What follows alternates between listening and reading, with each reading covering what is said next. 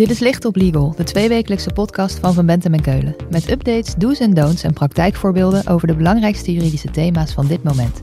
Pragmatisch vertaald naar de impact op jouw organisatie. Gebracht door onze eigen experts. Ik denk dat je echt een risico neemt wanneer je te gemakzuchtig zomaar uh, een set algemene voorwaarden gebruikt. In het handelsverkeer wordt veel gebruik gemaakt van algemene voorwaarden. Dat bevordert het zaken doen. Contracten komen zo sneller tot stand. Ook in aanbestedingsprocedures wordt gebruik gemaakt van algemene voorwaarden. Maar is dat nou spannender? En wordt het zaken doen in aanbestedingsprocedures daardoor bevorderd? Daarover hebben we het in deze Licht op Legal met Walter Engelhard. Hij stelt zich even voor. Mijn naam is Walter Engelhard. Ik ben uh, advocaat en partner bij Van Bentem en Keulen, gespecialiseerd in het aanbestedingsrecht. En dat is Walter al meer dan 20 jaar. In zijn werk adviseert hij aanbestedende diensten en de bedrijven die meedoen aan aanbestedingen. Hij is dus de go-to-person over dit onderwerp. Walter, algemene voorwaarden. Het lijkt bijna zoiets gebruikelijks dat je het er niet over hoeft te hebben. Is dat bij aanbestedingen anders? Toch wel. Um, ten eerste is het anders omdat in het normale handelsverkeer, en dan bedoel ik het handelsverkeer buiten een aanbesteding om, het toch vooral de aanbieder, de leverancier is die zijn zaken doen probeert te vergemakkelijken door te zeggen, uh, hier heb je een set van algemene voorwaarden, op basis daarvan contracteer ik altijd. In een aanbestedingsprocedure is dat per definitie anders. Een aanbestedingsprocedure wordt georganiseerd door de aanbestedende dienst. Dat is de inkopende partij, de verkrijgende partij. Die gebruikt ook algemene voorwaarden, maar zo'n aanbestedende dienst is een partij die in een aanbestedingsprocedure dicteert. Hij koopt in en hij zegt wat hij wil inkopen onder welke condities. En daarbij is die aanbestedende dienst gebonden aan regels. Denk aan transparantie en denk aan proportionaliteit. Transparantie houdt in formuleer de opdracht zodanig dat een inschrijver begrijpt waar hij op inschrijft. En dat houdt dus ook in, wees transparant over de contractclausules die daarbij horen. Want die maken hetgeen wordt ingekocht. Proportionaliteit houdt in dat die clausules als zodanig natuurlijk ook nog in redelijke verhouding moeten uh, staan tot de belangen van partijen over en weer. Ook logisch, want als jij als aanbestedende dienst dicteert, uh, ja, uh, er is weinig ruimte voor onderhandeling, om zomaar te zeggen. Dus dat maakt het gebruik van algemene voorwaarden in een aanbestedingsprocedure toch echt wel anders dan in het handelsverkeer buiten een aanbestedingsprocedure om. Ja, het gaat dus niet om algemene verkoopvoorwaarden, maar om algemene inkoopvoorwaarden, die door de aanbestedingsprocedure ook nog eens zijn gebonden aan de beginselen van transparantie en proportionaliteit. Wat betekent dat in de praktijk? Nou, wat ik dan wil benoemen, is wat mij echt opvalt, is dat enerzijds algemene voorwaarden belangrijk worden gevonden. Je ziet een aanbestedende dienst altijd algemene voorwaarden hanteren. Dus altijd in de opdracht die wordt aanbesteed, uh, daarop de algemene voorwaarden van toepassing verklaren. Um, dan is het mechanisme van de aanbestedingsprocedure ook dat je als inschrijver die algemene voorwaarden moet accepteren. Soms is dat ook letterlijk gezegd in een clausule in het aanbestedingsdocument. Accepteert u de algemene voorwaarden niet, dan is uw inschrijving ongeldig. Maar dat is uh, strikt juridisch per definitie al zo. Want als de aanbesteder zegt: Dit vraag ik uit en jij zegt, nou die algemene voorwaarden vind ik niet akkoord, hier heb je mijn algemene verkoopvoorwaarden, ga je dus niet akkoord met de opdracht, doe je een voorwaardelijke inschrijving, doe je een ongeldige inschrijving. Dus dat maakt ja, uh, dat die algemene voorwaarden belangrijk zijn. Tegelijkertijd merk ik heel vaak dat in de voorbereiding van een aanbestedingsprocedure het formuleren van de algemene voorwaarden of het gebruik van de algemene voorwaarden een soort sluitstuk is. De hele aanbestedingsprocedure is voorbereid, het aanbestedingsdocument is geformuleerd en vlak voordat de uh, aanbestedingsprocedure live gaat, zeg maar 5 voor 12, bedenkt mij nog in de voorbereiding van oeps, we moeten nog een contractdocumentje hebben en bijbehorende algemene voorwaarden. En dan chargeer ik even, sta mij toe. Dan wordt er ergens uh, een standaard formatje voor een contract uh, vandaan gehaald. En ergens uh, van internet een set algemene voorwaarden gepakt. En die worden dan aan het aanbestedingsdocument toegevoegd. Maar dat is ook logisch, toch? Want dat is ook wat algemene voorwaarden zijn. Het gaat om een standaard situatie en dan pak je iets wat je nog hebt liggen en dat voeg je er even achter. Ja, maar in het normale handelsverkeer waar ik het in de inleiding over had, degene die algemene voorwaarden gebruikt, heeft dan een set uh, op de plank liggen. Die voor hem zijn geschreven en voor zijn business van toepassing zijn. Dat is één voor een aanbestedende dienst al lastiger. Want vandaag koopt hij potloden in en morgen heeft hij het over complexe ICT-diensten die worden ingekocht. Dus die heeft niet een set klaar liggen die heel specifiek zijn. Bovendien, ook al heb je een set klaar liggen die je van de plank trekt, dan kunnen die voor deze opdracht deels ja, niet relevant zijn. Er, uh, uh, ik, ik zie setsvoorwaarden voor, voorbij komen van 32 pagina's, als ik weer even mag chargeren. Ja, dan weet je eigenlijk al zeker dat een groot deel van die set niet van toepassing is. Een groot deel ook niet passend is. En ja, de inschrijver moet maar raden ehm, ja, wat nou ehm, de werking en het effect is van de clausules die daarin zijn opgenomen. Oké, maar waarom gebruiken aanbestedende diensten dan algemene voorwaarden? Kijk, in het algemeen geldt dat algemene voorwaarden worden gebruikt om aansprakelijkheid te reguleren. Even helemaal terug weer naar het normale handelsverkeer en dan ook de situatie dat met name de verkopende partij algemene voorwaarden gebruikt. Hij gebruikt die algemene voorwaarden om, ja, hij is de presterende partij en als er ergens iets misgaat, dan wil hij de gevolgen daarvan beperkt hebben, zodat uh, de risico's van zaken doen overzichtelijk blijven. Daar staat dus tegenover dat inkopende partijen, ik blijf nog even buiten een aanbestedingsprocedure, inkopende partijen gebruiken dus eigenlijk alleen maar inkoopvoorwaarden, en ik chargeer weer bewust even, om die aansprakelijkheidsbeperkende maatregelen die in de verkoopvoorwaarden staan te neutraliseren. Dus eigenlijk weer om die aansprakelijkheidsbeperking in bepaalde mate weg te contracteren. Nou, daar heb je het al. In een aanbestedingsprocedure is dat niet zo nodig. Want die verkoopvoorwaarden zijn sowieso al niet van toepassing.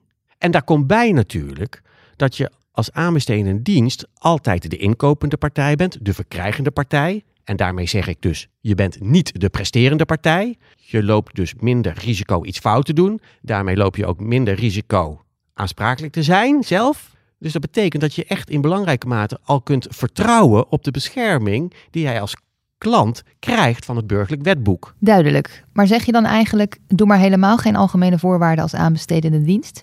Dat lijkt me wel een risico. Toch, om hier even duidelijk te zijn en um, um, mijn mening uh, uh, uh, kracht bij te zetten, zeg ik dat deels wel ja. Vanwege dat transparantiebeginsel en het proportionaliteitsbeginsel wat ik eerder noemde, heb je gewoon als aanbestedende dienst, als inkopende partij, de taak, ik zei het al, duidelijk te maken wat je wilt inkopen, zodat inschrijvers een verantwoorde inschrijving kunnen doen. Dat betekent dus ook dat je moet duidelijk, duidelijk moet zijn in welke contractcondities, welke contractbepalingen je hanteert. Dan vind ik het eigenlijk al raar dat je belangrijke uh, clausules in algemene voorwaarden wegstopt, zou ik bijna zeggen. Zet nou belangrijke clausules gewoon in het contract zelf. Dan ziet een inschrijver veel duidelijker waar die aan toe is. En hoeft hij niet ook een hele set algemene voorwaarden door te ploeteren om te kijken, goh, welk artikel is hier nou wel relevant, niet relevant? Uh, is die naar zijn aard eigenlijk al niet van toepassing of naar zijn aard wel van toepassing? Wat is nou de werking hiervan in de, uh, in de, van deze clausule in algemene voorwaarden in relatie tot een clausule die dan toch wel in het basiscontractdocument is opgenomen? Je maakt het veel transparanter en overzichtelijker. Dus in die zin zeg ik, ja, hanteer nou maar zo min mogelijk algemene voorwaarden en maak een mooi contract. Maar je zou ook kunnen denken, ik besteed wat meer aandacht aan dat contract, dan is dat duidelijk en voldoe ik aan de beginselen van transparantie en proportionaliteit. En gewoon voor de zekerheid plak ik er nog wat algemene voorwaarden achter. Better safe than sorry. Die opmerking snap ik ook. En ik kan me voorstellen dat ook als je een prachtig uitgeschreven contract hebt, dat het altijd nog handig is om te zeggen, ja, bepaalde onderwerpen, uh, daarvoor gebruik ik nog algemene voorwaarden. Maar dan heb je het eigenlijk over restclausules. Ik zou bijna zeggen over clausules waarvan je zegt, joh, daar staat of valt de deal niet mee. Dat uh, daarin wordt gewoon geregeld voor als een keer een situatie X zich voordoet, dan gaan we daar op manier Y mee om. Maar dat zijn clausules die niet relevant zijn om nou echt als inschrijver ja, rekening mee te houden bij het doen van je inschrijving en het stellen van je prijs uh, in die inschrijving.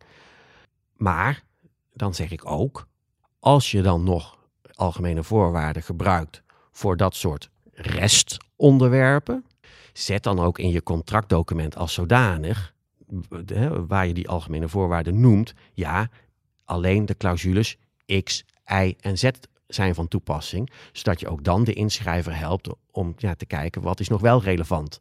Eh, neem de inschrijver aan het handje. Doe je dat niet en maak je, geef je zomaar weer uh, die set van 32 pagina's, uh, zo gezegd, mee, dan maak je de inschrijvers onzeker. En dan geef ik je op een briefje dat ze heel veel vragen gaan stellen. En dan kom je in zo'n aanbesteding terecht, waarin in, in de uh, inlichtingronde, bij wijze van met 12 inschrijvers, 1200 vragen worden gesteld. Want een inschrijving wordt voorbereid zeg maar, door uh, de bidmanagers bij, uh, bij een inschrijver. En ja, uh, zodra het bid klaar ligt, wordt er nog de jurist bijgehaald om er even naar te kijken. Ja, die jurist krijgt dan ineens een contract met daarbij een hele dikke set algemene voorwaarden van toepassing. Die kan niet in één oogopslag zien wat de risico's zijn die zijn bedrijf wel of niet gaat accepteren. Wat hij dan doet, of waar hij eigenlijk toe uitgedaagd wordt door de aanbestedingdienst, is ja, dan maar schieten op elke clausule. Het enige wat er kan gebeuren is dat hij de, uh, van de aanbestedingdienst terugkrijgt. Nou, wat stelt u een domme vraag? Want uh, u snapt toch al, gelet op de omstandigheden X en Y, dat die clausule niet van toepassing is waar u nu op schiet. Ja, dat is een risico wat ik als inschrijver ook zou willen uh, nemen.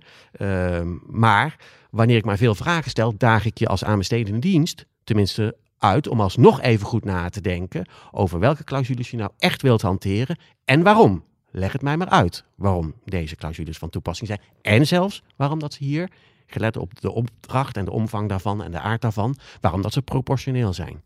Dus, ik zei net better safe than sorry. Maar als je zomaar algemene voorwaarden toevoegt, kom je dus waarschijnlijk uit op sorry. Omdat iedere goed voorbereide inschrijver erop zal gaan schieten. Ja, ik, ik, ik, denk dat je echt een risico neemt wanneer je te gemakzuchtig zomaar uh, een set algemene voorwaarden gebruikt. Je doet jezelf tekort, omdat je dan dus algemene voorwaarden gebruikt en daarmee dus contractscondities gebruikt waar je niet goed over hebt nagedacht en je in basis ook niet eens goed weet of ze passend zijn bij wat je wilt. Want ja, ik noem maar even een voorbeeld. Stel dat je een project aan het aanbesteden bent waarbij een keiharde deadline is. En als die deadline niet wordt gehaald, mislukt je project ja, dan is het prachtig dat in de algemene voorwaarden staat dat als een deadline niet wordt gehaald, dat er een boete verschuldigd is. Maar daarmee heb je dan nog niet je deadline gehaald. Met andere woorden, dan heb je even op een makkelijke manier contract, contractcondities gehanteerd die niet passend zijn voor je. Dus dan snij je één jezelf in de vingers. Ten tweede, je jaagt de inschrijvers tegen je, uh, tegen je in het harnas en dan krijg je dus een stroperige aanbestedingsprocedure. Walter, je hebt er veel over gezegd, maar om af te sluiten. Hoe moet ik de algemene voorwaarden als aanbestedende dienst nou aanvliegen? Wat ik aanbestedende diensten aanraad, of waar, uh, waartoe ik ze uitdaag, is er is serieus over na te denken om het contract en de bijbehorende algemene voorwaarden niet als sluitstuk van de aanbestedingsprocedure te gebruiken, maar juist als startpunt van de aanbestedingsprocedure. Wanneer je een vraagbehoefte hebt die door middel van een aanbestedingsprocedure ingevuld moet gaan worden, ga eens aan de tafel zitten met elkaar. Probeer eens op te schrijven.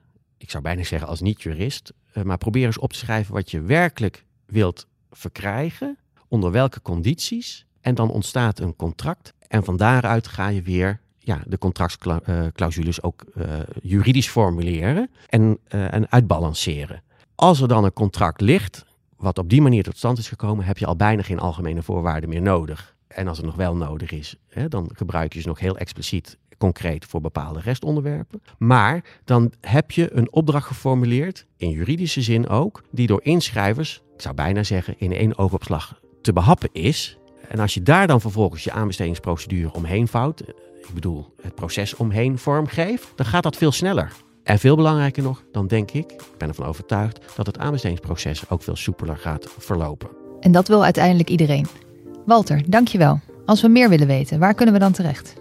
Je kan me altijd mailen op walterengelhart.vbk.nl of bellen en je vindt mijn telefoonnummer op de website. Dit was Licht op Legal, een podcast van Van Bentem en Keulen. Te beluisteren via Spotify, Apple Podcast of je eigen favoriete podcast-app. Wil je meer weten? Heb je suggesties voor een onderwerp? Of wil je dat onze experts hun licht laten schijnen op jouw juridisch vraagstuk? Laat het ons weten via vbk.nl/slash lichtoplegal.